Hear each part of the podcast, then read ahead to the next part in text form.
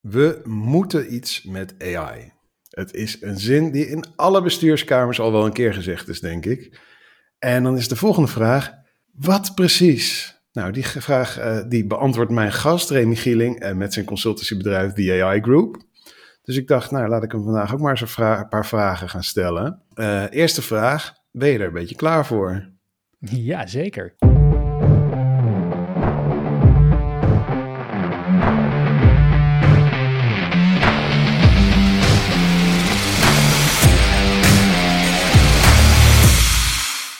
Hey, welkom en super dat je luistert. En dit is in samenwerking met de Red Panda Academy en Marketing Facts, de B2B Content Podcast. En ik zit hier met Remy Gieling. Remy, welkom. Ja, ontzettend leuk om er te zijn. Dank voor de uitnodiging. Te gek dat je er bent. En dan eventjes meteen even voorover in het zwembad. Want uh, we horen heel veel over AI als technologie. Uh, en mijn vraag aan jou is, hoe staat het met, met AI adoptie eigenlijk in Nederland? Zijn we, zijn we al een beetje met z'n allen leuke dingen aan het doen met AI? Ja en nee. Een beetje dooddoener, maar uh, enerzijds sta ik er positief in. 2023 was echt het jaar waarin iedereen over AI heeft gesproken. We stonden er, eh, iedereen had er een congres over georganiseerd. Iedereen had het er bij de koffiezetautomaat over. Daarom voelde het op een gegeven moment ook een klein beetje aan alsof het bijna een soort hype zou worden. Dat is het gelukkig niet. Wij zeggen altijd 2023 was het jaar waarop we heel veel hebben gepraat over AI. En nu moeten we ook een keertje aan de slag. Nu moeten we echt AI gaan implementeren. Dus 2024 wordt het jaar van implementatie. Je ziet dat veel organisaties daar wel langzaam maar zeker stappen in nemen. Uh, dat is een goede zet, want uh, met alleen maar praten over alle risico's, alle gevaren en misschien ook wat kansen, ja, daar kom je natuurlijk niet. Um, je moet er echt zelf mee aan de slag. AI is geen magische toverdoos. Hè. Wat sommige mensen denken, je moet er heel veel moeite in stoppen om er goed resultaat uit te krijgen. Uh, ChatGPT is nog zo handig, maar ja, als je niet weet hoe je de juiste prompts moet maken, heb je er nog steeds betrekkelijk weinig aan. En um, in dat kader is het dus wel goed dat we ermee bezig zijn, maar we, ik en mijn compagnon Job van den Berg zijn twee weken geleden weer teruggekomen uit San Francisco. Uh, met heel veel ondernemers gepraat, ook veel Nederlandse ondernemers die daar met AI bezig zijn. Ja, de trein gaat daar zo ongelooflijk veel harder. Dus uh, positief, ja, maar met een komma, want uh, we moeten wel heel snel stappen gaan zetten om niet enorm achter te lopen. Ja, want wat gebeurt er dan? Toevallig kom ik dus net uit een call met, met een klant in marketing, in IT, die zegt van ja, ik wil ermee aan de gang, maar corporate policy, gedoe over privacy, uh, data dingen die niet geregeld zijn. Het, het, ik word gewoon tegengehouden door mijn interne organisatie. Ja, bizar. Wat, ja, wat is daar het risico van? Wat, wat gaat er mis als we nu niet gaan schakelen met z'n allen? Nou, wat er misgaat is dat, uh, kijk, alle onderzoeken van ook onder andere MIT laten zien dat de generieke AI-tools die er zijn, dus een generiek taalmodel wat getraind is op het hele internet, zoals GPT, uh, ChatGPT, dus niet eens een taalmodel wat getraind is op je eigen niche of, uh, of kennis uit de organisatie, die is al in staat om de gemiddelde professional tot 37% efficiënter te laten werken.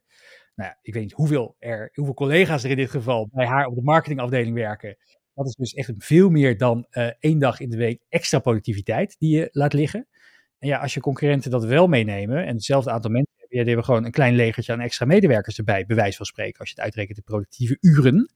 Um, dat, dat, dat, dat geluid ken ik ook wel. Hè? Dat is natuurlijk iets wat we het afgelopen jaar veel hebben gehoord. Ook bij een aantal grote banken. Die hebben gezegd, ja, we gaan voorlopig niets met generatieve AI doen. Ik vind ook een heel bekrompen, ook de Nederlandse overheid, en notabene, een ontzettend bekrompen beeld. Want uh, die taalmodellen zijn in een jaar tijd ontzettend hard geëvalueerd. Het was inderdaad zo.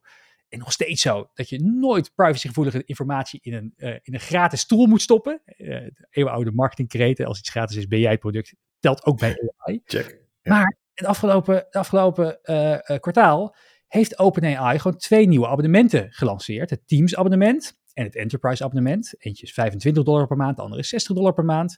Waarbij zelfs die data gewoon is afgeschermd.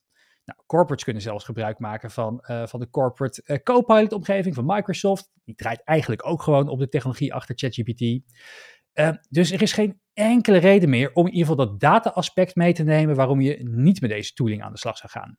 Kijk, het feit dat die tools vooral geschikt zijn voor generieke taken en nog geen kennis hebben over jouw rol, over jouw functie, over jouw niche, ja, dat is iets anders. Eh, eh, maar daar kunnen we misschien zo meteen nog over hebben hoe organisaties daarmee kunnen omgaan. Uh, ja, want je hebt het over rollen, functies en niches. kijk, wij zitten in, in een marketing podcast. jij, kijk, ik ken jou van oorsprong als, als, als ja, tech-watcher, tech-journalist. je bent nu echt vol in de AI gedoken, dus jij helpt nu bedrijven met het zoeken naar de kansen van AI. Wat, wat voor, op wat voor afdelingen ben je? Zit je dan in het primair proces of ben je ook met marketingafdelingen bezig? Kun je, kun je iets vertellen over wat voor klanten je mee werkt? Ja, ja, heel kort inderdaad, want anders moet, moet geen wij van WC ja, Een beetje pluggen mag. Maar, uh, nee, dus samen met mijn compagnon Job van den Berg hebben we een aantal bedrijven die zich bezighouden met de AI-ontwikkelingen. Sinds 2019, als ik me niet vergis, dat we daar beide mee bezig zijn. Uh, eh, AI.nl is ons educatielabel, waarbij we uh, organisaties helpen ehm, kennis te nemen van de AI-ontwikkelingen. Door middel van korte, wat meer inspirerende keynotes, hè, de trend-updates kan je het noemen uh, verdiepende workshops. Ik kom net uit een uh, strategieworkshop met een groot uh, bedrijf in de agri-sector. Daar gaan we echt verdiepen in wat kan AI nou betekenen om ieder proces in je organisatie slimmer te maken dit jaar. Um, maar we hebben ook nog een bouwlabel, dat heet de Automation Group, waarbij wij um, ja, met behulp van die taalmodellen en een geavanceerde zoekfunctionaliteit genaamd Retrieval Augmented Generation drie keer woordwaarde voor iedereen die die zin zo meteen nog een keer kan herhalen. Retrieval Augmented Generation. In staat zijn dus om, die, om die taalmodellen helemaal te hertrainen op de kennis van een organisatie. En dus uh, bijvoorbeeld inderdaad uh, helemaal in staat stellen om uh, de marketingkopij in de tone of voice van een bedrijf te schrijven. nog veel meer geavanceerde functies, maar dat doen we voor grote bedrijven. En wat wij een beetje proberen te balanceren is enerzijds dus dat, hè, dat het AI-evangelie verkondigen. Wat, wat kan het nou precies? Uh, wat, zijn, wat, zijn, uh, wat zijn de kansen en wat zijn de beperkingen? Wat ik al zei, het is geen magische toverdoos. Je moet heel veel moeite instoppen om er echt waarde uit te halen. Um, en tegelijkertijd uh, proberen we dus ook gewoon pragmatisch bedrijven daarmee te helpen met de implementatie. En dat is een beetje de balans die wij daarin proberen te maken. Ja, en je begon al met een paar percentages inderdaad. ik had er nog eentje van je site gehaald. een fascinerend cijfer. 98% van de banen gaat veranderen. Ja. Ik heb daar heel veel vragen over, over dat cijfer. Uh, Welke 2% is. Ja. ja, nou die inderdaad. Nou, oké, beantwoord die dan eerst maar even. ja, goeie, het is een hele goede vraag. Ik wil eigenlijk nog nooit zo bij stilstaan. Welke 2% van de banen zullen dat dan zijn? Ja, het zal inderdaad denk ik iets van uh, uh, fitnessinstructeur of zo worden. Hoewel ik me ook al voorstellen dat die gaat werken met AI om zijn gepersonaliseerde trainingsprogramma's te maken. Ja, um, antwoord ja. blijf ik hier heel verschuldigd welke het ja. niet gaat zijn. Ja, nee, want ik heb al use cases bij mijn klanten van schoonmakers die dus inderdaad op basis van gebruikscijfers van vergaderruimtes van ruimte naar ruimte gestuurd worden ja. door een algoritme. En altijd daar poetsen waar het meeste troep is. Dus uh, ik, ik, denk dat je er misschien wel 100% van kan gaan maken. Van dat... Waarschijnlijk, waarschijnlijk ja. Maar het is maar een cijfer. De, de, wat ik eigenlijk zou willen is dat je dat cijfer een beetje voor me inkleurt. Ja, dat kan ik zeker doen, ook op het gebied van marketing. Kijk, AI is al zo oud als de technologische weg naar Rome. Hè. De, technologie komt uit de jaren 60, 50 en 60. Uh, uh, alle fundamenten van het AI die we vandaag de dag hebben, is in die periode eigenlijk al een beetje uitgekristalliseerd. Het enige probleem is dat we onvoldoende data en rekenkracht hadden enerzijds.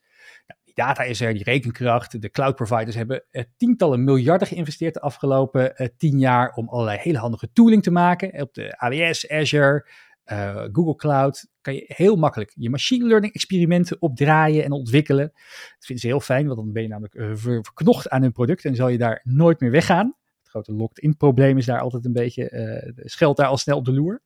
Um, alleen, ja, die voorspellende AI die we eigenlijk al ja, decennia hebben, ja, dat, dat, dat was eigenlijk ook al, hè, bij de grote bedrijven was dat al, ergens weggestopt op de dataafdeling, op vier hoog achter.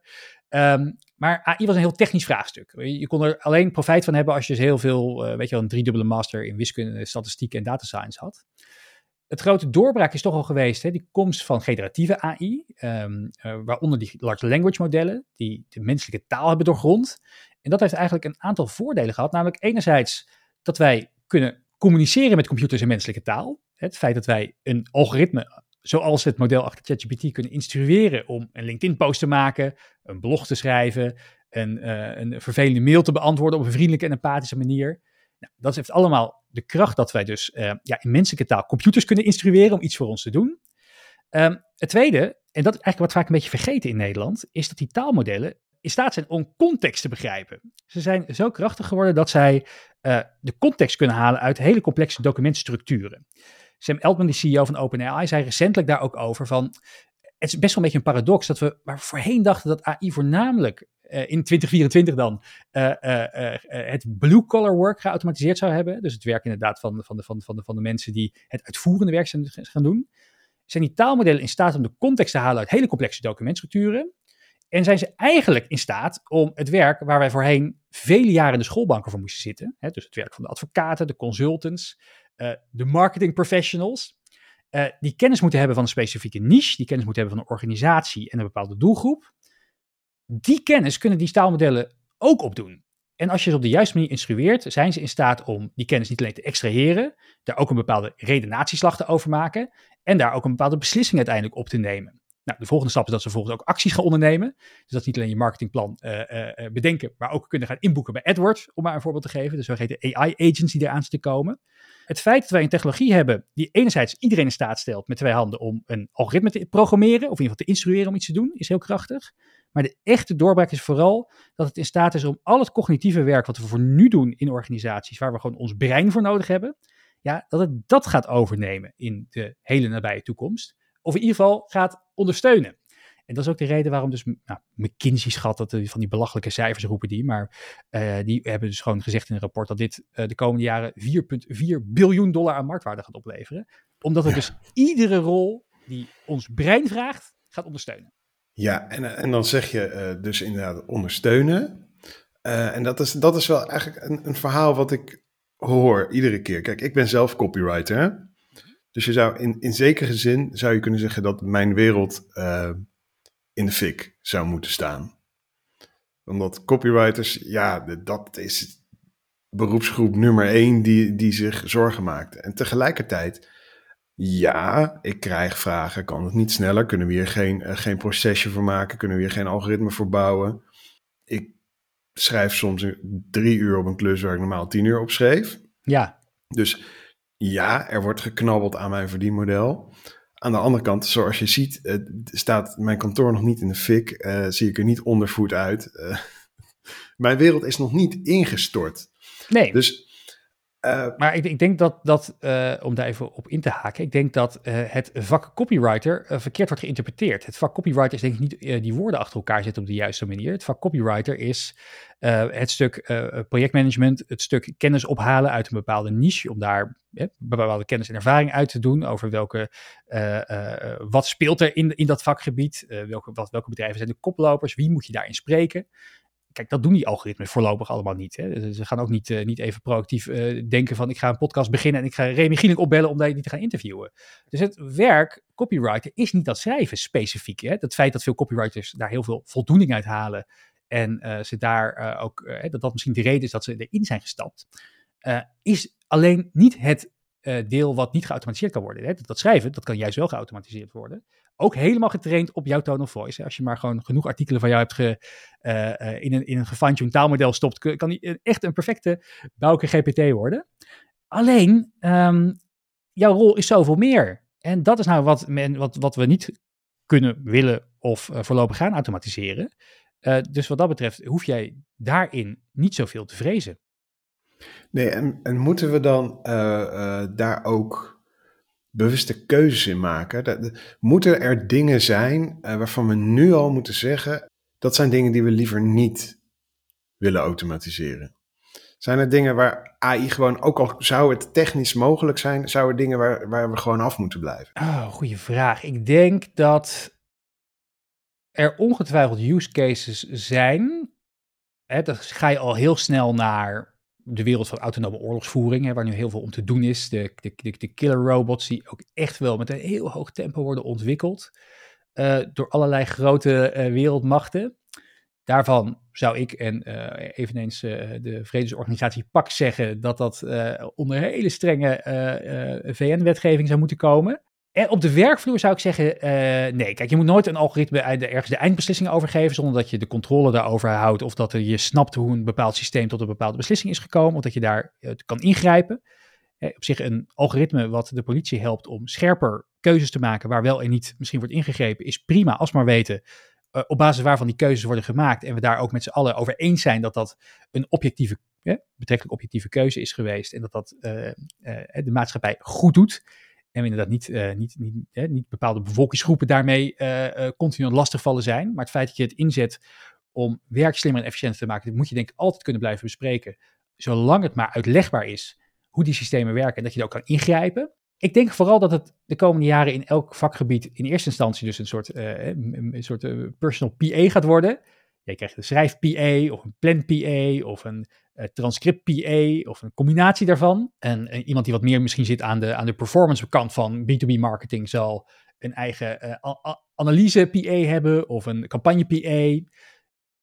En we gaan wel meer en meer zien dat meer en meer taken zullen worden overgenomen door die systemen. We worden uiteindelijk met z'n allen meer de regisseur van de processen, dan dat we de processen nog aan het uitvoeren zijn.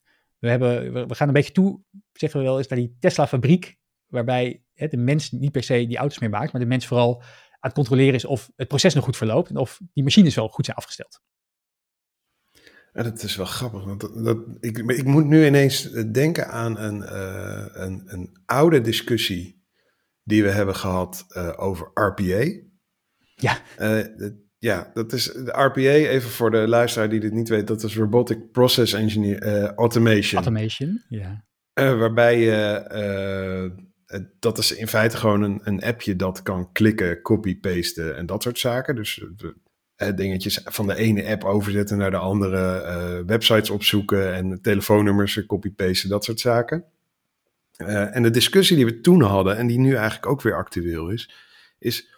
Stel je voor, uh, daar zijn allemaal hartstikke handige tooltjes voor. Die kun je op je desktop installeren. Krijg je volgens mij gratis bij Microsoft Office 365 ja. ook gewoon. Stel je voor, je steekt daar een zondagmiddag in om, om daar wat dingen te automatiseren. van wie is die tijd dan die je daarmee terugwint? En die, die vraag is nu voor AI ook weer heel actueel. Als ik, als ik op een marketingafdeling werk en ik heb slimme prompts gemaakt. En ik, kom op maandag binnen en ik begin, uh, begin aan mijn, mijn blogje of mijn social media of het inplannen van mijn ads. En in plaats van om vier uur middags ben ik om half elf ochtends al klaar. Van wie is die tijd dan? Want ik heb dat, ik heb dat geautomatiseerd. Ik ben handig daarmee. En ik ja. heb een beetje voor mijn collega's misschien. Is, is die, die PA die je zegt, die, die we hebben, is die nou van, van de individuele werknemer of is die van de baas? Of, of hoe, hoe moeten we daar naar kijken met z'n allen? Ja, het, scheelt denk een beetje, ja, het scheelt denk ik een beetje van, van use case tot use case. Als in dat een, een hele slimme uh, ZZP'er het misschien gebruikt, zonder het te vertellen, is hij gewoon goed slim bezig als je het inderdaad gebruikt. Uh, Value-based pricing, Remy. Value-based pricing.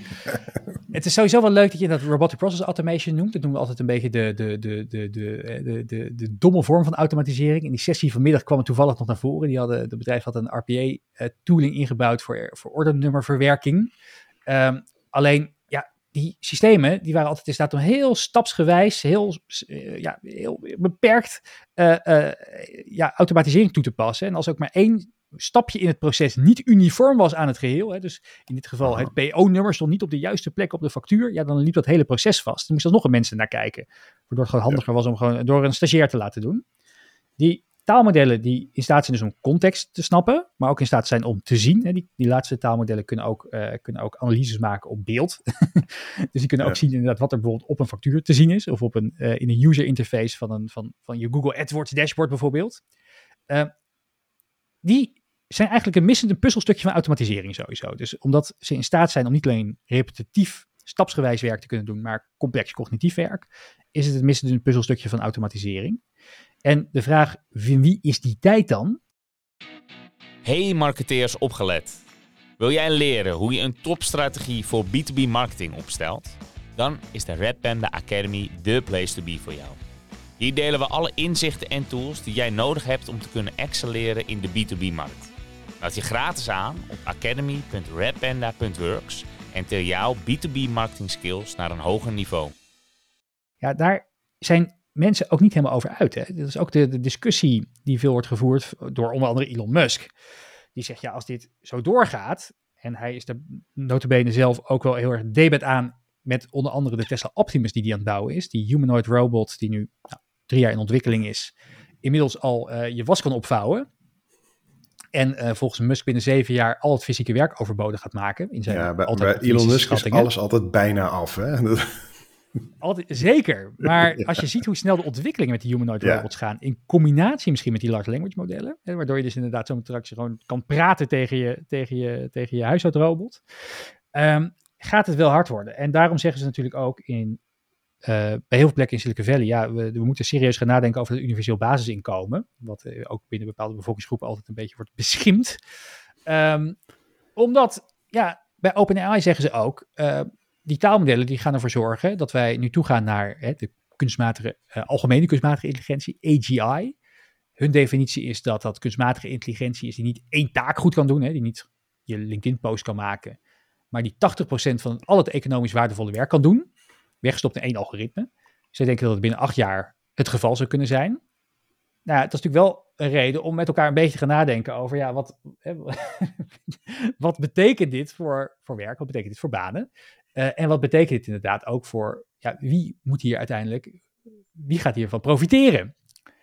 Um, we weten het gewoon niet. We weten het gewoon niet. Uh, ik, denk wel dat het, uh, ik denk wel dat het gewoon goed is voor Nederland dat, we zeggen wel eens AI is not the end of work, AI is the end of boring work.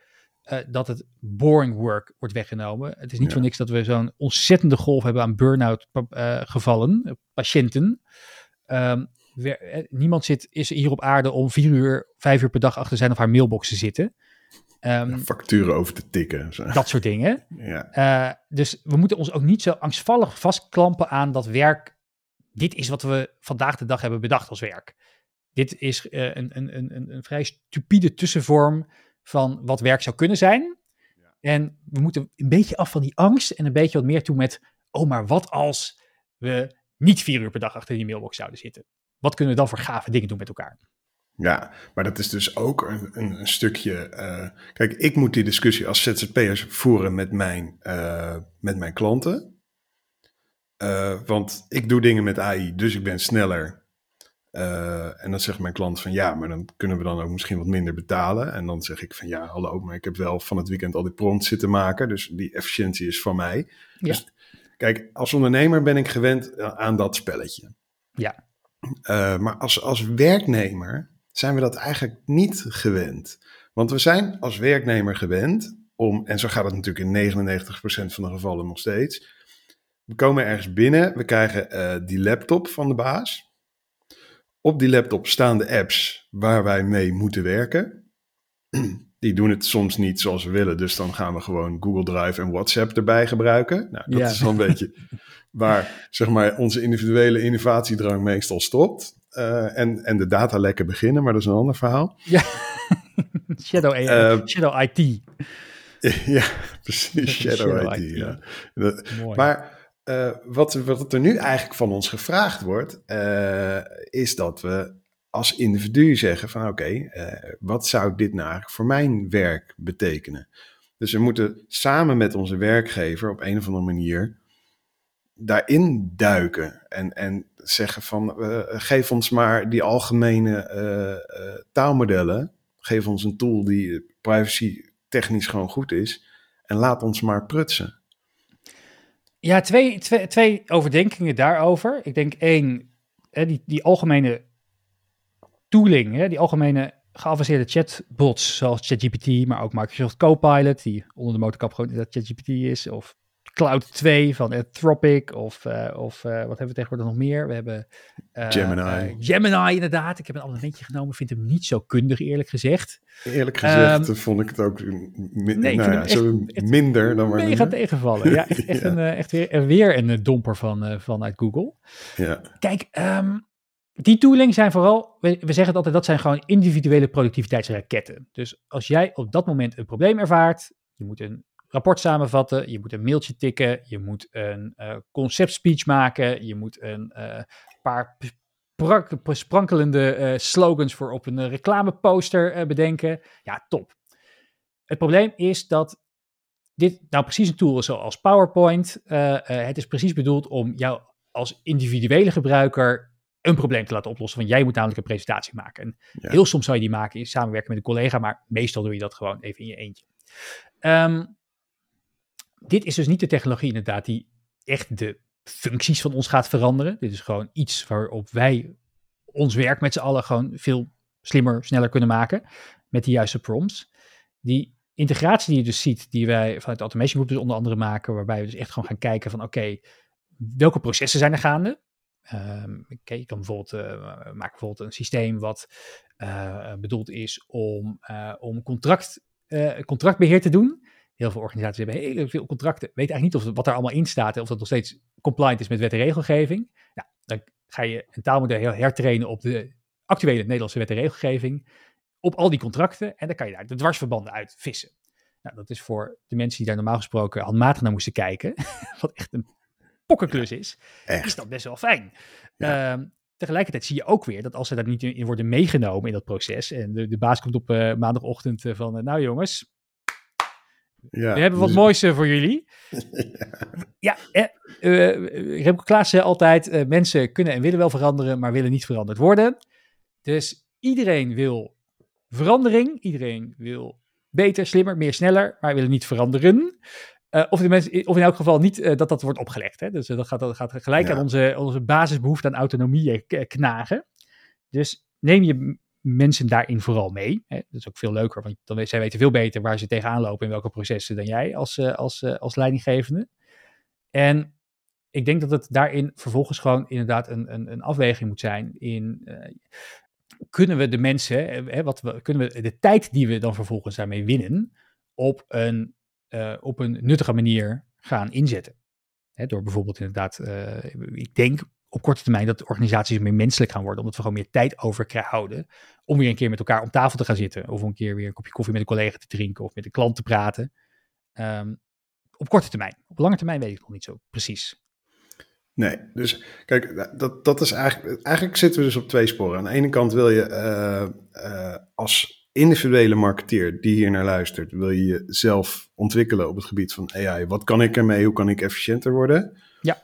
Eh, Red Panda Academy sponsort dit. Die, hebben, die, die lanceren as we speak eh, eh, hun AI-traject, AI lab sessies en er komt een Academy course. Eh, dat, dat, dat komt allemaal en dat moeten we ook allemaal gaan doen als marketeer. Zeker, super nuttig. En weet je, neem je, leer jezelf die vaardigheden ook echt aan, want het is echt een skill. Het is ook echt een mindset verandering, in ieder geval een, een, een workflow verandering om elke keer naar zo'n tool toe te moeten gaan. Maar tegelijkertijd werk ik dus sinds, nou, eh, ik weet het niet eens meer. Ik denk dat ik sinds 1997 in tech werk. En eh, ik heb dit al een paar keer gedacht en ik denk het nu, eh, betrap ik me er wel ook weer, weer af en toe op. Zou dit dan het moment zijn dat we echt eh, aan de gang gaan met technologische verandering op zoals het hoort, zeg maar. Binnen organisaties die mensen autonomie geven, eindelijk creativiteit gaan eh, cultiveren, een cultuur van ideation gaan ontwikkelen, eh, processen gaan automatiseren op een manier waarop het daadwerkelijk de mensen die er werken ten goede komt en niet de spreadsheets drie managementlagen hoger. Ja, denk je dat deze dag er nu eindelijk is? Of denk je dat we toch weer de- terechtkomen in spreadsheets en waterval? En, en...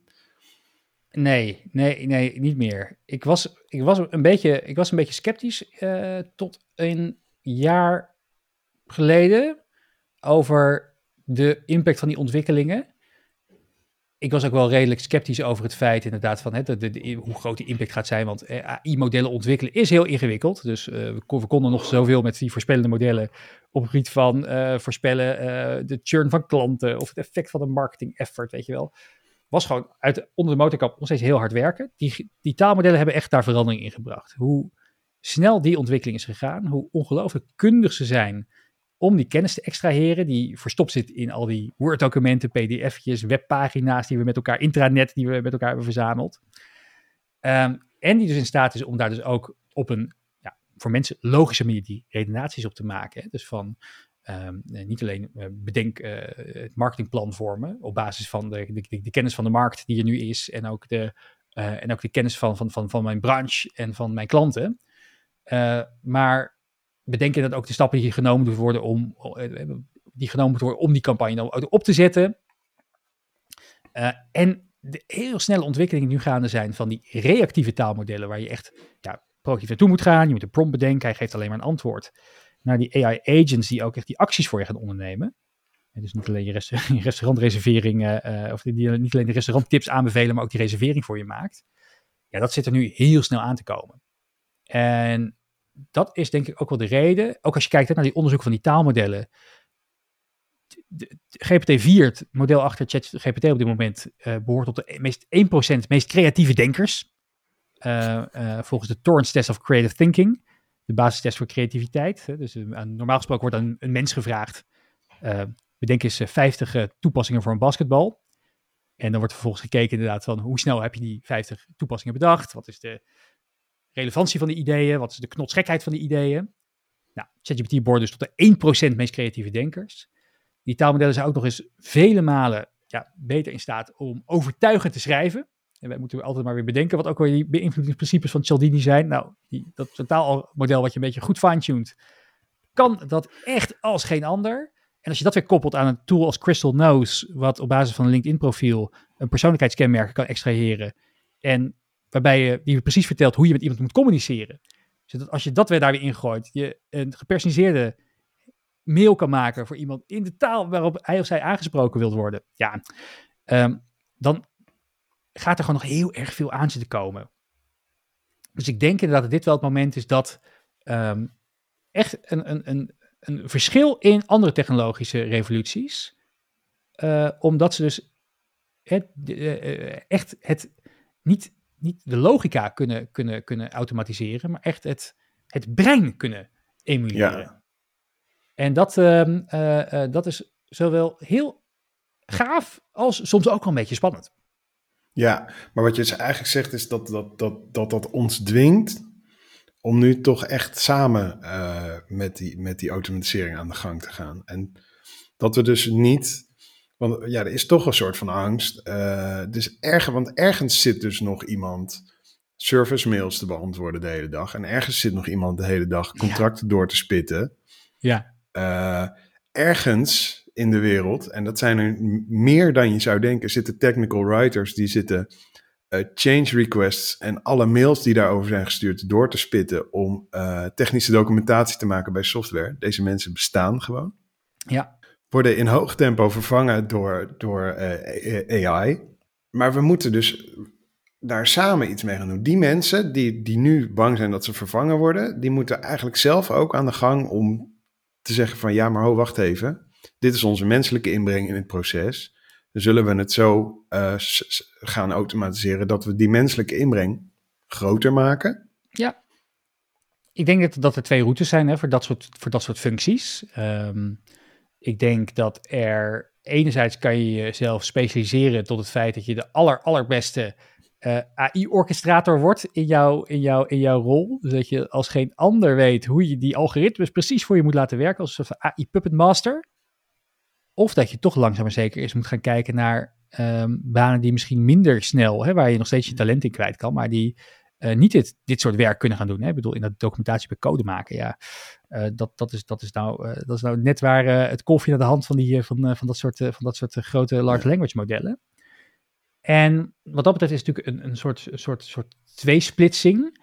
Tegelijkertijd zie je ook alweer dat het niet altijd zo hard loopt. Hè. Bijvoorbeeld, ik denk dat AI op het gebied van klantenservice een enorme impact gaat maken. Um, tegelijkertijd hebben grote partijen, zoals ook, uh, uh, ik geloof KPN, hè, die hebben dan volgens mij meer dan 1500 mensen op de, op de telefonische callcenter afdeling zitten. Best ja. serieus flinke hap op je, op, je, uh, op, je, op, je, op je payroll en overhead. Tegelijkertijd zie je ook dat ABN AMRO bijvoorbeeld weer een pilot heeft gedraaid om AI in te zetten op die klantenservice afdeling. Om bijvoorbeeld de gespreksverslagen te maken. En daaruit bleek bijvoorbeeld weer dat het niet zozeer tijd scheelde, wat ze misschien initieel hadden gedacht. Hè, dat, dan, het scheelt tijd, kunnen we meer telefoontjes in een uur beantwoorden. Nee, wat het vooral hielp, is dat mensen, de, de, de, de, de callcenter medewerkers, met meer aandacht konden luisteren naar de gesprekken. En dat was natuurlijk, een, dat is natuurlijk echt wel een grote doorbraak daarin. Ja. Namelijk dat, dat, dat de klanttevredenheid enorm omhoog ging. Dus waar, waar je misschien A had verwacht, is het B en heeft het ook een heel positief effect in dat kader. Waar, waar mensen nog steeds prettig vinden om met mensen te spreken, ehm, in bepaalde gevallen. En waar je dus de technologie wel inzet om de mens meer mens te laten zijn. Ja, heb je voor, daarvoor ook, want dat, dat spreekt mij enorm aan. Hè? De, gewoon weg, weg bij dat hele efficiency denken, weg bij van hoeveel uur, hoeveel minuten kunnen we op dit taakje besparen. Uh, dat heeft ons natuurlijk in het verleden eigenlijk ook niet. Hè? Zie zorg en onderwijs, dat heeft Ja. ons niet echt veel opgeleverd, hè? deze, deze uh, mindset. Nee, een beetje pennywise, pound foolish was het, hè? Ja, uh, en dan naar van, hey, hoe kunnen we dit beter maken? Kijk, ik ben ook ingenieur van oorsprong en dan is altijd de vraag van, hoe kunnen we dit beter maken? Dus ik ben daar enorm voor. Uh, we zijn bijna aan het eind. Ik heb nog twee belangrijke vragen voor je. Uh, heb je, heb je want je, bent, je zit hier middenin nu hè, met je klanten, met, met je bedrijf. Heb je een, een, een, op dit gebied een mooie use case uit je eigen praktijk, waarbij dus echt het werk ook beter is geworden voor iedereen, dankzij AI? Hoeft geen marketing case te zijn. Nee, een hele mooie case vind ik zelf die we maken voor, voor, voor, grote, voor groot bouwbedrijven, is dat het schrijven van aanbestedingen heel veel tijd kost, heel veel onzekerheid met zich meebrengt. Want het, om echt een goede, om, om de briefing goed te doorgronden en daar een winnende concepttekst voor te maken, is heel ingewikkeld. Gaat heel veel tijd aan verloren en je wint er niet altijd. Dus is best wel een grote kostenpost ook voor organisaties. Is best veel werk om te schrijven. Dus wij zijn aan het kijken of we um, met, met kennis over de opdrachtgever, met kennis over de uitvraag, hè, de gemeente Amsterdam wil een stuk snelweg aanleggen.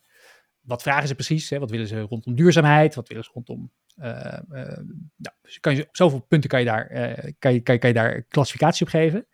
En op basis van eerder gewonnen voorstellen, kan je daar nou een mooi, kan je daar nou een, um, een, een, een tooling voor bouwen, waar die mensen helpt om sneller tot binnen de concepttekst te komen geen vervanging van de mens, maar wel eentje die het werk gewoon veel beter en efficiënter maakt. Ik denk dat dat van die, van die toepassingen zijn die gewoon heel mooi is, omdat je, uh, ik heb echt niet de illusie dat er over, over een jaar uh, al die mensen overbodig zijn. Nee. Alsjeblieft niet zegt, uh, daar ga je de oorlog ook niet mee winnen.